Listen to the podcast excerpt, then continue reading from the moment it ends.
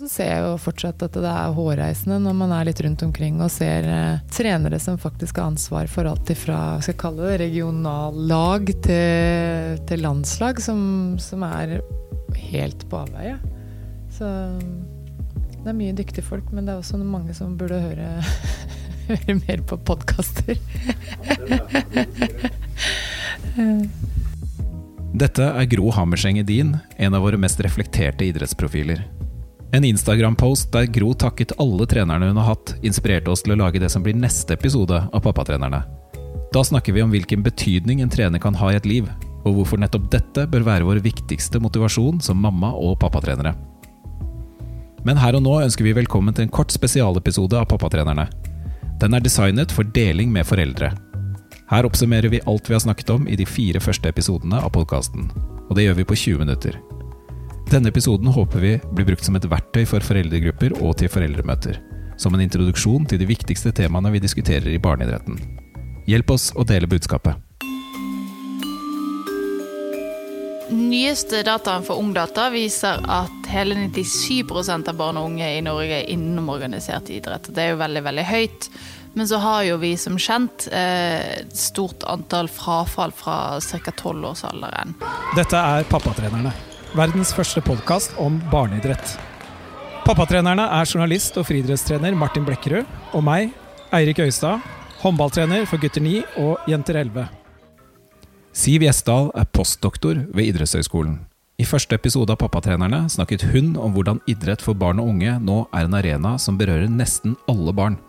Hun pekte også på at barneidretten blir stadig mer profesjonalisert og spesialisert, og dette fører til økt press profesjonalisering av barne- og ungdomsidretten i høyere grad enn det var før.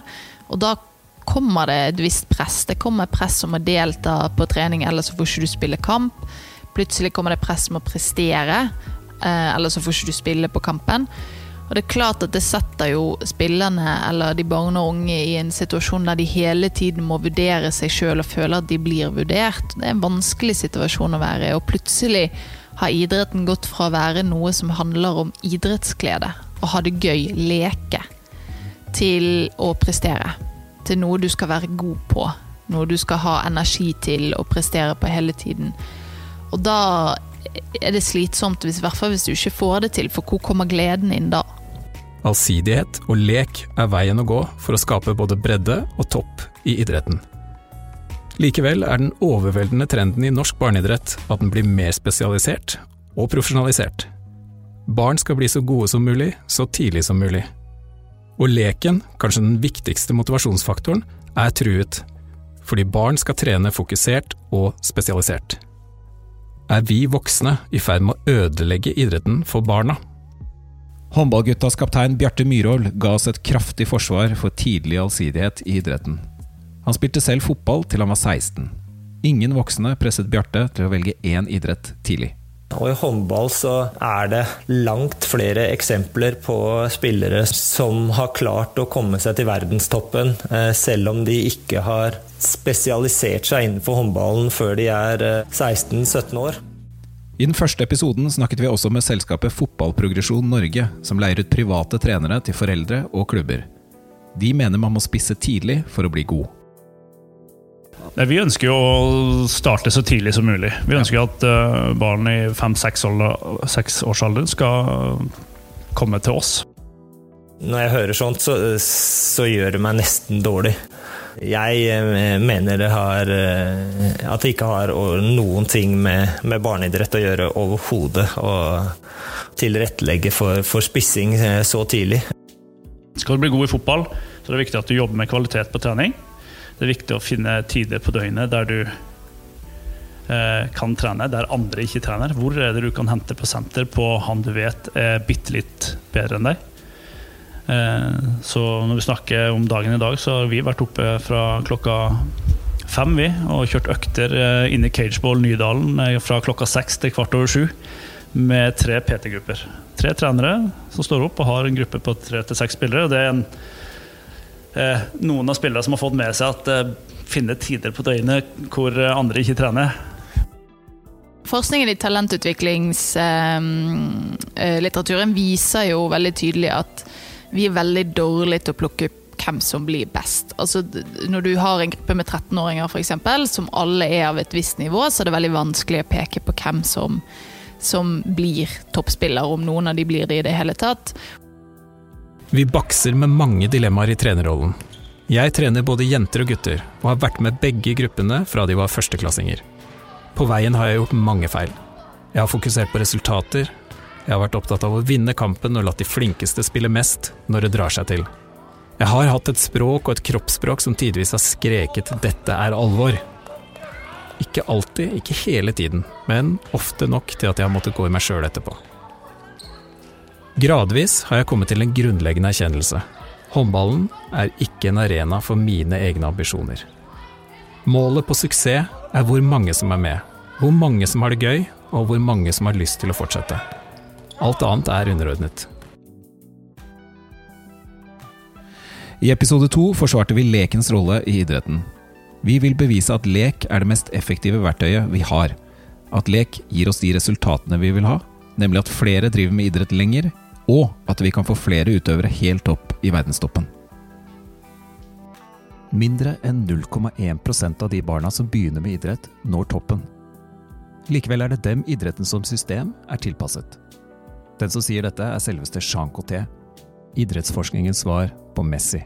You know, the statistics of how many kids are playing sports and how many of them are reaching, achieving a very high level of performance, and it's less than 0.1% of the kids. Is there any other system in the world that is built around 99% of the population? Erling Braut Haaland har kommet som en komet inn i toppen av internasjonal fotball. Nå er han et av de heiteste fotballnavnene i Europa. Han knyttes til mange av de største klubbene i verden. Men det er ikke lenge siden han vokste opp i et helt spesielt fotballmiljø på Jæren. Alf Yngve Berntsen startet som pappatrener for Brynes gutter født i 1999, da de var seks år. Han fulgte dem helt opp til seniornivå. Dette laget er et høyst levende bevis på at bevisst lek gir de resultatene vi ønsker oss i idretten. Guttegjengen på nær 40 spillere opplevde nesten ikke frafall, og noen av dem ble skikkelig gode. Hvordan jobbet egentlig Brynetrenerne for å få til dette? Det tror jeg er fordi at vi har tatt alle på alvor fra dag én, uavhengig av ferdighetsnivå. At vi har prøvd å se alle og eh, Vi har jo selvfølgelig differensiert en, en, del, men vi har holdt de samla egentlig helt til de var 15 år, eh, både bredde og topp. Selv om vi hadde mange kretslagsspillere som holdt med de samla på treningene, samme treningsdagene. Og jeg tror de opplevde at de ble tatt på alvor, selv om de var liksom nummer 39-40 i gruppa. Det tror jeg at eh, en av årsakene til at nummer 20-40 fortsatte ut hele juniorperioden. I gjengen som Alf Ingve Berntsen trente, var Erling Breit Haaland ikke den eneste som ble skikkelig god. Det kom utrolige fem elitespillere ut av det samme laget. Men det er ikke det Berntsen er mest stolt av. Det hører jo med til historien at jeg er jo som trener så er jeg jo mer stolt av at nummer 30-40 fullførte hele junioralderen eh, enn at det er noen som kom på et landslag. Det er jo folk i grupper som vet de er 35, 36, 37, 39, 40. At de valgte å helt til siste års junior komme på trening og spille kamper, det er det jeg er mest stolt av. Disse jentene er det jeg som trener. De er tolv år og de spiller håndball i Bekkelaget. Mange driver også med fotball, friidrett, turn eller dans. Mm, jeg liker å spille håndball fordi det er lags, lagspill, og jeg kan være med venner, og det er gøy. Elida, hvorfor spiller du håndball? Fordi det er veldig gøy, og jeg får være med alle vennene mine. Eller hvorfor spiller du håndball? Fordi det er gøy å være med vennene, og det er kjempegøy. Pernille, hvorfor spiller du håndball? Eh, fordi det er gøy å være med venner, og det er gøy å utfordre seg på en sport jeg liker klart svar fra jentene på Bekkelagets Jenter 12. Håndball er gøy, og det sosiale er viktig. Øyvind Eide er sportsdirektør i NTG-systemet. Han har den høyeste trenerutdanningen i fotball, Uefa Pro, og trenererfaring fra toppnivå, både for kvinner og menn. Det, det vi veit med tillitsspesialisering, er jo at uh, sjansen for at du går lei, er jo ganske stor. Jeg tror, og det vet vi gjennom forskning òg, at uh, driver du med fotball 24-7 fra du er seks år, så er uh, sjansen relativt stor etter hvert for at du dropper ut. Uh, fordi du går lei, rett og slett. Ragnhild Mowinckel mener selv at alt kan spores tilbake til lek og variasjon på trening i barndommen. Og Ragnhild sier at hun og de andre alpinstjernene fortsatt leker. Midt oppi alt det blodige alvoret.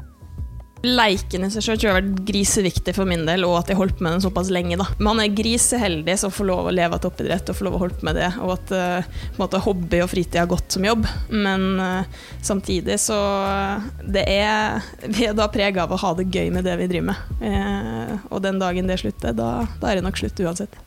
Alf Ingve Berntsen har følgende råd til foreldretrenere.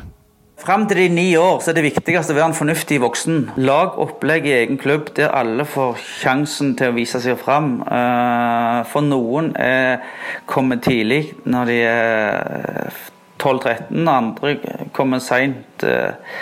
Og så skal vi òg De fleste klubbene i Norge skal ikke lage den neste Messi. Eh, jeg har opplevd, jeg har vært rundt litt og holdt i foredrag. Det er litt for mange klubber som lage opplegg internt i en liten breddeklubb som de kunne tro de skulle lage neste Messi, mens formålet deres er å lage en stabil ramme for ungdommer og barn som kan trives og ha det gøy med fotballen og ha en smil om munnen når de kommer hjem, ikke gråtende for ikke fikk spille. I episode tre snakket vi om den åpenbare fordelen det er å være født tidlig på året for et barn som driver med idrett. Vi kaller det fødselslotteriet. Dette lotteriet er faktisk et stort problem både i idretten og i samfunnet. All statistikk og forskning viser nemlig at barn som er født tidlig på året, lykkes gjennomgående bedre i idrett. Stig Inge Bjørneby var en sped 15-åring som stort sett satt på benken i Elverum. Han vet alt om hvordan det er å bli satt til siden fordi man er sent utviklet. Jeg er født uh, i desember. Konsekvensen av uh, å være liten og sped og litt uh, inneslutta og passiv var jo at jeg også ble sittende på benken på guttelaget til min, til min moderklubb Elverum. Vi reiste jo land og strand rundt også i ukedagene og spilte nasjonale turneringer eh, i Oslo. Og kom tilbake på natta og skulle på skolen dagen etter uten å ha spilt et minutt. Vi reiste også til Gotia Cup eh, sammen med laget mitt og spilte til sammen tolv minutter, tror jeg det var. Eh, det er ikke spesielt motiverende. Eh, det skaper en del utfordringer mentalt som egentlig man ikke er klar for å håndtere mentalt i en sånn, i en sånn fase av livet. Jeg kom hjem eh, fra den Gotia-cupen og mm, fortalte faren min at dette hadde jeg ikke lyst til å være med på lenger. Jeg hadde lyst til å slutte. Jeg, ikke, jeg følte ikke at jeg var en del av ting. Jeg var nef, ekstremt nedfor og nedbrutt. Det er ekstremt demotiverende å reise på en turnering som i tillegg har en sosial profil, sånn som f.eks. Norway Cup. Å være der en hel uke og gå rundt på Ekebergsletta sammen med laget sitt og se de spille fotball og sitte på benken, det er jo å be om trøbbel. Det er jo, be, det er jo, det er jo en ekskludering i den mest sårbare fasen av livet som er uh, hjerteskjærende. Atle Guttormsen har gått grundig inn i fødselslotteriet. Han har vært pappatrener i friidrett og håndball for alle sine fire barn. Og er du åtte år og født i januar, i motsetning til en som er samme årskull, født i desember, så er det elleve måneder forskjell, som er en ganske stor del av livet ditt. Og det skjer, alle som har hatt barn, vet at det skjer mye i løpet av et år i den alderen. Og det sies jo at i den alderen så er det jeg husker ikke om det er opptil tre års forskjell i fysisk alder. Hvis du da i tillegg er født sent og er sent utviklet, så får du jo enda lengre tid før du blir stor og sterk. Økonomiprofessoren mener at fødselsdato gir selvforsterkende effekter som øker fordelene for januar- til junibarna. De beste spillerne blir stort sett plassert på midten. Da får de tre ganger så mange ball, kast og mottak i løpet av en kamp, så de får mye mer trening på enhver kamp. I tillegg vil de typisk få mer trening på trening, for de spiller ofte på de samme plassene. De beste spillerne allerede fra 12-årsalderen vil typisk bli tatt opp til å hospitere, få lov til å trene med gutter 13 eller jenter 13. Og når det kommer spillerutviklingstiltak i regionene, så er det de beste spillerne som får lov til det òg. Og det er naturlig nok, for de er eldre. De eldste spillerne, de som er født tidligst på året, de som er litt større og sterkere og litt mer bedre motorisk enn de andre. Og hvis de stadig får litt mer kast og mottak, litt mer trening, litt bedre trening, litt flere kamper, så er jo det en selvforsterkende effekt, og det er det som er bakgrunnen for hele de resultatene man ser når man snakker om relativ alderseffekt. At de som er født tidlig på året, gjør det bedre som seniorer. Til syvende og sist, det har jeg sett på de friidrett som jeg har vært tettest på eliteutøvere, de som blir best til slutt, det er de som er ivrigst. Det er ikke de som hopper eller løper fortest når de er 12-13 år. Det er de som er mest dedikert og trener jevnest og hardest lengst mulig. Problemet i håndball er jo at halvparten er borte når de er 15 år. Hvorav denne effekten er én viktig grunn til at de faktisk er borte. I episode fire gjorde vi som skaperne av NRK-serien Exit. Vi intervjuet anonyme kilder som hadde oppsiktsvekkende historier å berette fra miljøer de fleste av oss kjenner lite til. Om åtteåringer som har flere dager på ski enn alpinlandslaget, om private trenere og private lag for barn, og tolvåringer på høydeopphold.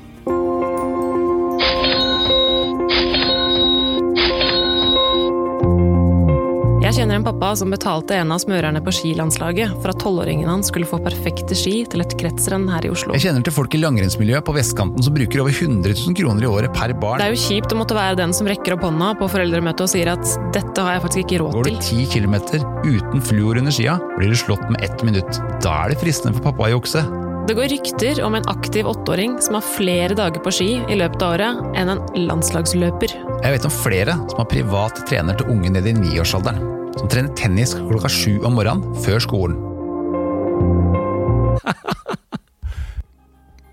Bernt Blankholm er en typisk pappatrener på vestkanten i Oslo. Han er en vellykket næringslivsleder som har sin egen butikk på si.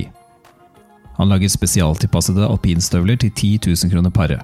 Dessuten er han en sprek fyr på 55 år, med en tenåringsengasjement for de to idrettene han har vært trener for i en hel mannsalder, alpint og windsurfing. Bernt er blant de som kjenner miljøene i de mest kostbare idrettene aller best. Eh, jeg tror jeg hadde rekorden i butikken for mange år siden. Nå var det en løper som kom innom sko tre ganger i løpet av en sesong. Det er sånn Du blir fortvila til slutt, for det, det, koster jo- det koster jo masse penger. Her må det presiseres at vi snakker om et barn, og at prisen er 10 000 kroner per par. Det blir med andre ord 30 000 kroner på spesiallagde støvler på én sesong. Neste år åpner helårs skianlegget Snø på Lørenskog rett utenfor Oslo. Anlegget markedsfører seg som verdens råeste helårsarena for snøopplevelser. Mange skiklubber planlegger allerede å trene i dette anlegget. Så blir det veldig spennende å se hva som skjer med den innendørshallen. Hvor, eh, som åpner nå 15.1 på, på Lørenskog. eh, Som nå er verdens absolutt råeste innendørshall for alpint og langrenn og snowboard og det som er. Hva det vil gjøre med eh, når gærningene virkelig får tatt tak i det greiene der og skal trene fem dager i uka hele året. Eh, det kan bli Det gleder jeg meg til. Eh, det kan vi ta en prat om senere, det, om et år. Se hvor gærent det er. Vegard Ulvang trenger ingen nærmere introduksjon. I tillegg til å være leder for langrennskomiteen i det internasjonale skiforbundet FIS, er han pappatrener i Kjelsås idrettslag. Han er tydelig på at hans egen idrett har noen kraftige utfordringer. Det første møtet for mange, jeg har brukt som eksempel mange ganger, det er som kommer på sånne store skirenn og som har et barn som skal være med. Så møter de et um, smøring foregårs i sånne, sånne selskapstelt. Eh, og der møter de 30 mann med gassmaske. Så jeg sier at det, det er ikke alltid er en like hyggelig introduksjon til langrennssporten. Så eh, brukte man på et norgescup så brukte man mer diesel til eh, strømproduksjon for smørejern og smøreteltene, oppvarming av dem, enn man brukte til preparering av løypa. Hovedpoenget i denne episoden var ikke ville tilstander i alpin- eller tennismiljø på vestkanten i Oslo og Bærum, eller langrennsmiljø i Trøndelag. Det urovekkende er at tendensene fra deler av disse miljøene sprer seg til andre deler av idretten, og skaper et økende skille, skille mellom de som har råd og de som ikke har råd. For alle idretter blir faktisk dyrere. Åse Strandbu er professor ved Norges idrettshøgskole og leder forskningssenteret for barne- og ungdomsidrett. Hun ser at klasseforskjellene er i ferd med å øke drastisk i barneidretten her i Norge. Men man kan også tenke idrett mer som et sånt velferdsgode. Som, hvorfor skulle ikke de som har dårlig råd, ha tilgang til det velferdsgodet som idretten Det å kunne drive med idrett er? Det, det er en, en annen måte å, å tenke på det her på også. Når idrettslag bevisst velger å takke nei til gratis foreldreressurser, og erstatter dem med betalte trenere på alle nivåer, er vi på en farlig vei. Vi må sikre at idretten bevarer frivilligheten som det bærende element. Det sa Magne Brekke, generalsekretær i Oslo idrettskrets, i et intervju med Aftenposten. Dette er amerikanske tilstander, mener tidligere pappatrener Rune Jørgensen. det er jo selve essensen i det her, da. Eh, ønsker vi å beholde den norske modellen, som er basert på et massivt eh, frivillig bidrag fra foreldre, eller eh, kommer det nå til å skje en utvikling mer eller mindre av seg selv, hvor man sklir sakte over til en si, USA light-variant? da at det blir dyrere, det blir mer klasseskille i idretten, det blir mer seriøst, det blir mer tidlig spesialisering. Det vil jo være for dumt om vi går liksom bare sånn hodeløst på automat inn i en sånn utvikling. Da bør man i hvert fall ha en ordentlig debatt og, og runde i Idretts-Norge om det er dit vi vil.